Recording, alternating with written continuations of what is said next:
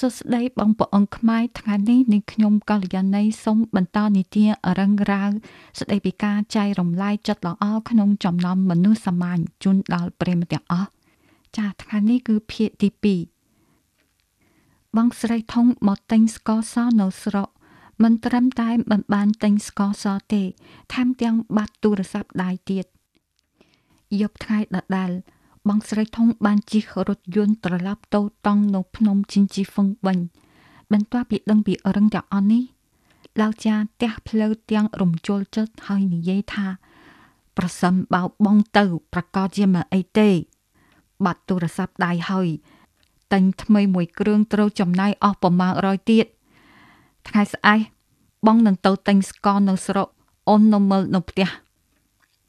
ព្រឹកថ្ងៃបន្ទាប់ឡៅចាក៏បានជិះរថយន្តឈ្នួលទៅស្រុកនៅលើអាកាសនៃចំការផ្កាស្ពៃរឿងដរុំពណ៌សមួយគ្រឿងកំពុងហោះទៅមកក្នុងកម្ពស់គៀកនឹងដីនៅខាងក្រោមយន្តហោះមានភួរធំថ្នាំរៀង4ជ្រុងមួយមានបំពង់វែងពីរដើមលាសង្ថឹងលើផ្នែកទាំងសងខាងនៃធុងថ្នាំ ហើយមានកបាល់បាញ់ជាច្រើននៅក្រោមបំពង់កំពុងបាញ់ថ្នាំ ដើម្បីសម្លាប់សត្វល្អិតនៅលើចំការផ្កាស្ពៃរឿងវ៉ៃមកឲ្យបាញ់ថ្នាំទេបងស្រីធំបានរត់ទៅកបាយចំការឈោទល់មុខអ្នកបញ្ជាដរងអ្នកនាងចិនណាហេតុអីក៏ចេះដឹងម្លេះខ្ញុំជាអ្នកចិញ្ចឹមឃ្មុំលោកបានបាញ់ថ្នាំលើចំការ ឃ្មុំរបស់ខ្ញុំនឹងពុលងាប់អស់ហើយប៉ុន្តែពួកយើងបានចុះហត្ថលេខាជាមួយគណៈកម្មការភូមិមកធ្វើការងារថែទាំរុក្ខជាតិពួកយើងគ្រាន់តែធ្វើការពួកយើងទេប្រសិនបើមានបញ្ហាអ្វីទៅរកគណៈកម្មការភូមិទៅឡៅហានប្រធានគណៈកម្មការភូមិកំពុងធ្វើការនៅការិយាល័យបានមើលឃើញបងស្រីធំដើរចូលមកដោយប្រញាប់ប្រញាល់បងស្រីធំ បងស្រីគឺជាភ្ញៀវដ៏កម្រម្នាក់លោកប្រធានហានតើអាចបំបាញ់ថ្នាំសម្លាប់សត្វល្អិតបានទេមកបងស្រីថងសូមអង្គុយសិនមក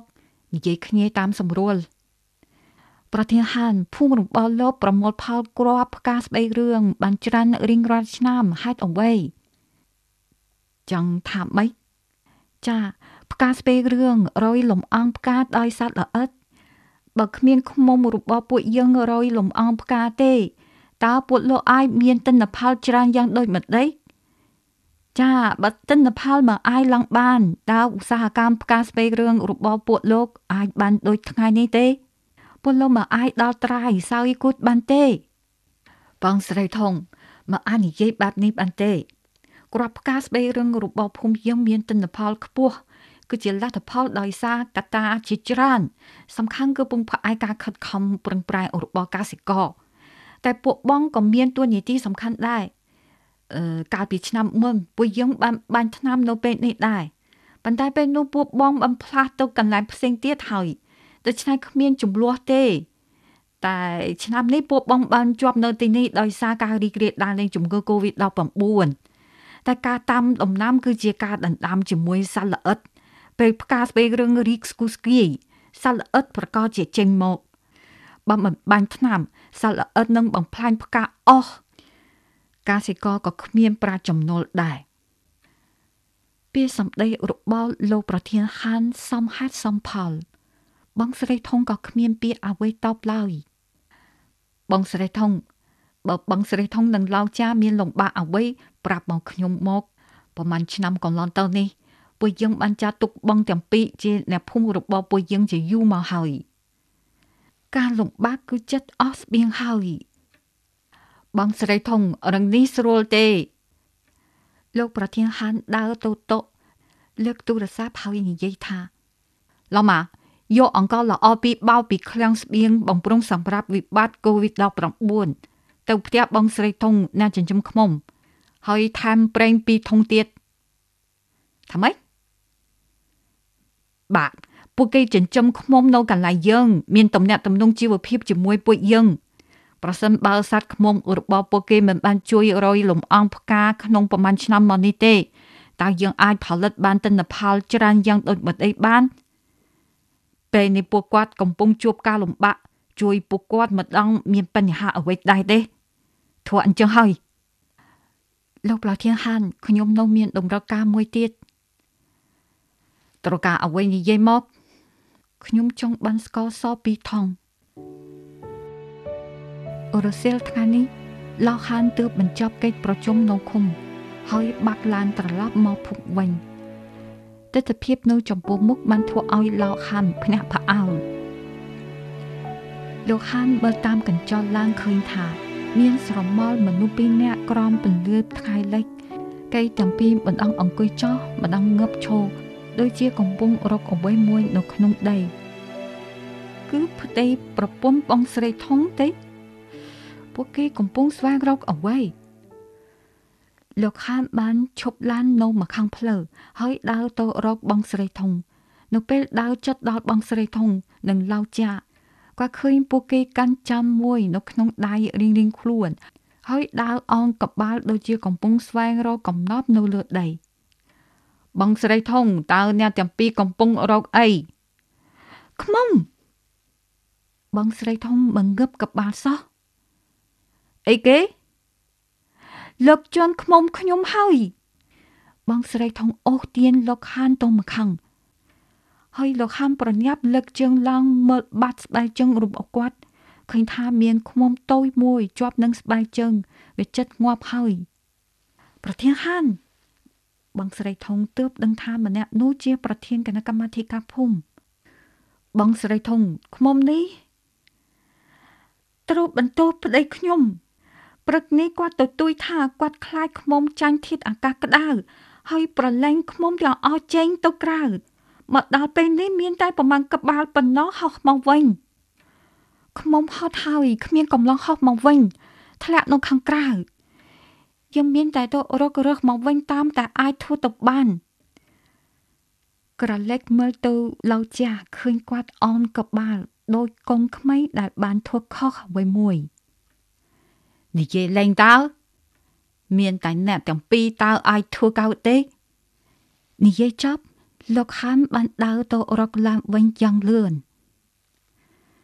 លោកហាំបានបាក់ឡានត្រឡប់ទៅគណៈកម្មាធិការភូមិ ដើរចូលការិយាល័យហើយបាក់មីក្រូហ្វូនរួយនិយាយថា បងប្អូនអ្នកភូមិទាំងអស់គ្នាប្តីប្រពន្ធបងស្រីធំបានចិញ្ចឹមឃុំនៅលើដីភូមិយើងប្រមាណឆ្នាំមកនេះបានរួមចំណែកយ៉ាងខ្លាំងដល់ការប្រមូលផលផ្កាស្បៃរឿងយ៉ាងច្រើនក្នុងភូមិយើងឆ្នាំនេះផ្ទុះការរីករាលដាលនៃជំងឺឆ្លងពួកគេមិនអាចបដូរកន្លែងបានឡើយ ខ្មុំក៏ឃ្លៀងខ្លាំងអស់កំឡុងហើយធ្លាក់លើដីខ្មុំទាំងនេះជាជីវិតសម្រាប់ពួកគាត់ជាអ្នកចិញ្ចឹមខ្មុំឥឡូវនេះពួកគេជួបបញ្ហាលំបាកយើងត្រូវជួយពួកគេ បងប្អូនអ្នកភូមិបើសិនមិនមានអ្វីធ្វើបន្ទាប់ពីបាយរួចសូមនាំគ្នាយកចាំមួយទៅវាតស្រ័យស្រាទឹកនឹងតាមផ្លូវទៅរើសខ្មុំ ទាំងអស់គ្នាទៅជួយបងស្រីធំដើម្បីឆ្លងកាត់គ្រាដ៏លំបាកនេះពេលលោកខាននិយាយចប់គាត់បានឃើញនៅខាងក្រៅទីធ្លាគណៈកម្មការភូមិស្រាប់តែមានភាពអ៊ូអរអ្នកភូមិបានដើរចេញពីផ្ទះដោយកាន់ចាំបាយក្នុងដៃហើយរត់ចេញពីភូមិតាមទិសដៅផ្សេងផ្សេងគ្នាដើរអងកបាលដូចជាស្វែងរកកំណប់នៅជុំវិញភូមិ នៅពេលយប់នោះបងស្រីធំនិងឡៅចាបានទទួលស្វាគមន៍និងជូនដំណើរអ្នកភូមិជាបន្តបន្ទាប់ពួកគេបាននាំឃុំជាច្រើនមកដាក់ពីមុខប្រអប់ឃុំប៉ុន្តែឃុំទាំងនេះភៀច្រើនបានងាប់បាត់ទៅហើយលោកឡោចាបានដើរទៅកាន់ប្រអប់ខ្មុំហើយយកសម្បុកខ្មុំមកពិនិត្យយ៉ាងយកចិត្តទុកដាក់ចប់ហើយ មុនពេលគាត់និយាយចប់ឡោចាបានគប់សម្បុកខ្មុំទៅលើដីយ៉ាងខ្លាំងសម្បុកខ្មុំរៀង6ជ្រុងរាប់មកអស់ត្រូវបានរីបាយនៅលើដីនៅខាងក្នុងមានដង្កូវខ្មុំដែលមិនទាន់ញាស់ខ្មុំម្ចាស់ក្សត្រីដែលមានពោះធំនិងគ្មានស្លាប់ងាប់បាត់លែងកំរាកបងស្រីធំបានបាក់ប្រអប់ខ្មុំមួយដើម្បីពិនិត្យមើល បន្តែគាត់ស្រឡឹងកឹងតែម្ដងដោយមើអស់ចិត្តគាត់ក៏ប្រញាប់ទៅរកប្រអប់ឃ្មុំដែលនៅក្បែរគាត់លើកគម្របចេញយកសម្បុកចេញពិនិត្យមើលដោយយកចិត្តទុកដាក់ហើយបោះវាទៅលើដីបាក់មួយទៀតបាក់មួយទៀតបងស្រីធំបាក់ប្រអប់ខ្មុំអស់ជាង10ប្រអប់ក្នុងពេលតែមួយប្រពន្ធអូនកុំមើលអីទាំងអស់ងំអស់ហើយ បងកុហកបងកុហកខ្ញុំថាជាអាជីពដ៏ផ្អែមល្ហែមតើអនាគតតើយើងនឹងរស់នៅដោយរបៀបណាទៅបងស្រីធំបានវាយដើមទ្រង់របស់ឡៅចាយ៉ាងខ្លាំងឡៅចាប្រៀបដូចជាមនុស្សឈឺឈោឲ្យប្រពន្ធវាគាត់រហូតមិនកំប្រាក់នេះតើនេះមានរឹងអីកោឡើងទៅ វាត្រូវបានបំពុល ខ្មុំកម្មករបានយកថ្នាំសម្លាប់សត្វល្អិតមកវិញ ហើយបានបញ្ជូនវាទៅឲ្យខ្មុំបញ្ចាក់ក្សត្រីពួកវាបានងាប់ទាំងអស់បងបានចិញ្ចឹមខ្មុំជាង20ឆ្នាំហើយ ស្រាប់តែមានរឹងថ្ងៃនេះកើតឡើងប្តីប្រពន្ធអបគ្នាយំនៅម៉ោង5ព្រឹក សំឡេងបាក់ទ្វារបានបន្លឺឡើងនៅលើផ្លូវទូលមុខស្ថានីយ៍រថភ្លើងស្រូវលួភីងម្ដងទៀតលោកយាយយ៉ាងទើបនឹងចូលហង្សស្រាប់តែឃើញមានរបស់ពីរដាតនៅលើកំជណ្ដើរលោកយាយបានអោនខ្លួនរើសរបស់ពីរទាំងពីរនោះឡើងហើយមើលឃើញថាវាជាដបផ្លាស្ទិកពីរដែលមានមាត់ធំមួយមួយមានទម្ងន់ប្រហែល1គីឡូក្រាម នៅក្នុងដបមានពណ៌លឿងមិនដឹងថាជាអ្វីបន្ទាប់មកគាត់មើលក្រដាស់មួយបិទនៅលើដបដែលមានពាក្យថា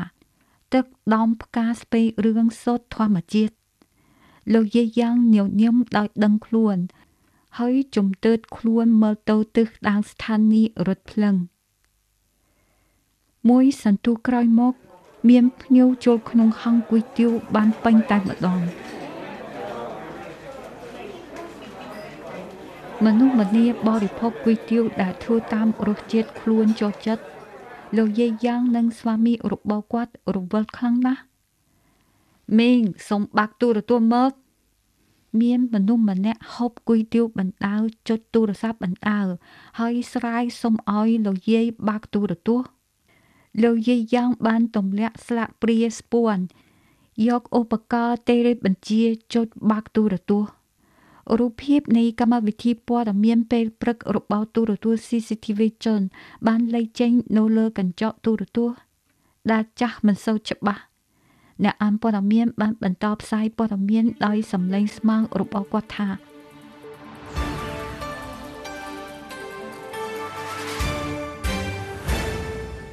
ថ្ងៃនេះថ្ងៃទី8ខែមេសា ឆ្នាំ2020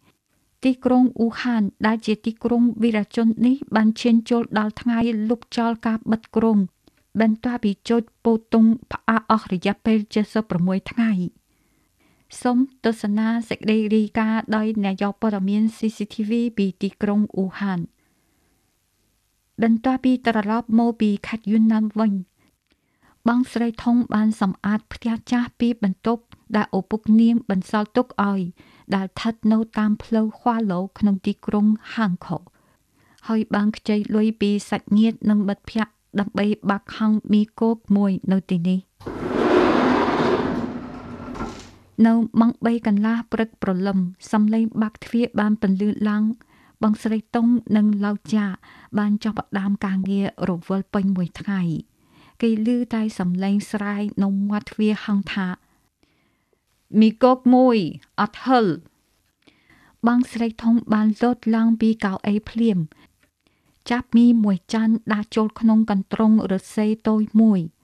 កន្ត្រងរស្សេត្រូវបានដាក់ទៅក្នុងឆ្នាំងធំដែលមានទឹកពុះដំណើរការនេះត្រូវបានគេហៅថាកំដៅមីរបៀបកំដៅមីនេះមើលទៅសាមញ្ញធម្មតាប៉ុន្តែតាមពិតវាគឺជាការសាកល្បងជំនាញមួយ បើកម្ដៅមីក្នុងពេលខ្លីពេកមីមិនឆ្អិនល្អហើយរឹងបើកម្ដៅមីយូរពេកវានឹងស្អិតជាប់ថ្មិញហើយមិនមានភាពរីករាយកើតចេញពីរសជាតិជ្រប់ជ្រប់របស់មីខណៈកំពុងរវល់កម្ដៅមីបងស្រីធំបានក្រឡេកមើលក្រុមមនុស្សដែលកំពុងឈរតម្រង់ជួរខាងក្រៅហាងពោពេញដោយភាពរីករាយ និយាយជាទូទៅស្ថានភាពដ៏មមាញឹកនេះនឹងបន្តរហូតដល់ម៉ោងប្រហែល9ព្រឹកខណៈពេលនោះបងស្រីធំហាក់ដូចជាបានឃើញអ្វីមួយយ៉ាងដំបងឡើយបងស្រីធំមិនបានខ្វល់ទេប៉ុន្តែស្រាប់តែមានអារម្មណ៍ចម្លែកម្យ៉ាងបានចូលក្នុងចិត្តរបស់បងស្រី នៅពេលដែលបងស្រីប្រមូលខ្សែភ្នែកមើលទៅរកតាមទិសដៅនោះអ្វីមួយយ៉ាងចម្លែកនោះបានបាត់ម្ដងទៀត ចម្លែកម៉ែងដូចជាធ្លាប់មានអារម្មណ៍ដូចនេះពីមុនមក